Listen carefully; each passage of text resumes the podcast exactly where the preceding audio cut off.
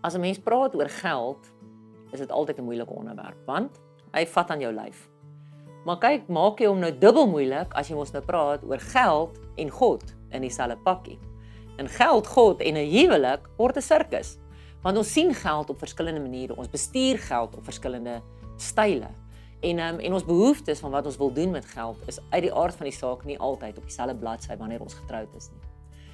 Maar daar's 'n ding wat ek al hoe meer agterkom in huwelike wat regtig waar 'n huwelik smoor. Hy het die vermoë om regtig waar baie geld op die tafel te sit, maar dis op die einde van die dag al. En dit is die vraag: dien jy dalk vir Mammon met jou geld?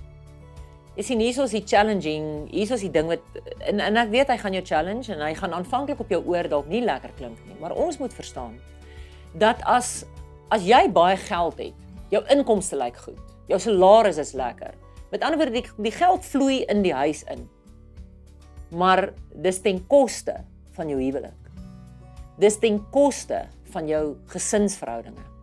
Dan wil ek vandag vir jou sê, dis nie God wat jou seën nie. Dis Mammon wat jou vet voer en jou in Egipte hou. Jy sien baie keer moet ons vir onsself vra, hoekom het ek 'n begeerte na meer? Is dit omdat ek my uitgawes wil dek? Want dan is dit nie dit dit's nie greediness nie. Ek wil net my uitgawes kan dek. Maar wanneer ons 'n vrees het dat ons dalk eendag nie genoeg gaan hê nie. Of wanneer ons geld gekoppel is aan ons image, dan gaan ons altyd 'n dors en 'n honger hê na meer. Jy sien die die gevoeder hiermee is later het ons nie goeie prioriteite nie en ons het later nie goeie grense nie. En dit bring ons dan by daai plekkie dat ons huwelike partytjie leegloop want pappa is die hele dag by die werk. Die kinders sien hom net nooit. En dan gebruik ons die verskoning en ons sê Maar vir wie dink jy doen ek dit? Ek doen dit vir julle. Maar die groot vraag is, het jou huwelik regtig daai kwota geld nodig? Het jou kinders dit nodig? Want ek weet uit ervaring uit met baie mense dat kinders eerder sal werk met ou tekkies, maar hulle sien vir pappa. Waar pappa hulle dalk in die aand sal nag sê. 'n Huwelik kan dalk bekostig om een keer 'n jaar oor see te gaan. Maar wat help dit jy gaan oor see met al hierdie magdom geld waarvoor jy gewerk het? maar aan die ander kant gekom en jy het geen koneksie nie, jy het niks om vir mekaar te sê nie. Geld is nie die antwoord nie.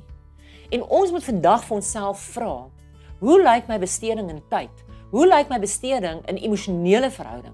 Want as my hele lewe gaan oor werk en ek gebruik die verskoning en ek sê maar weet jy wat die Here is vir my so goed.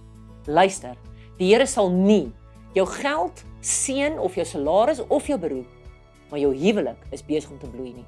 Ons dien 'n God van orde. En God se orde is verbond eerste. So jy moet vandag vir jouself vra. Is Mammon besig om jou vet te voer of is jy besig om regtig word net hard te werk vir jou gesin? Dis 'n challenging vraag. Maar julle in 'n huwelik het hierdie ding en die antwoord op hierdie vraag, die vermoë om ons of te laat bloei of te laat groei. Wat help dit ultimately? Dat jy die leer van die lewe klim. En eendag, as jy oud en gelooi en geplooi sit, dan besef jy jou leer was al die tyd teen verkeerde muur. Want jy sien daar waar jou leer nou staan as jy oud is. Jou kinders wil nie teen hom opklim om by jou te kom kuier vir 'n Kersfees of vir 'n Vadersdag.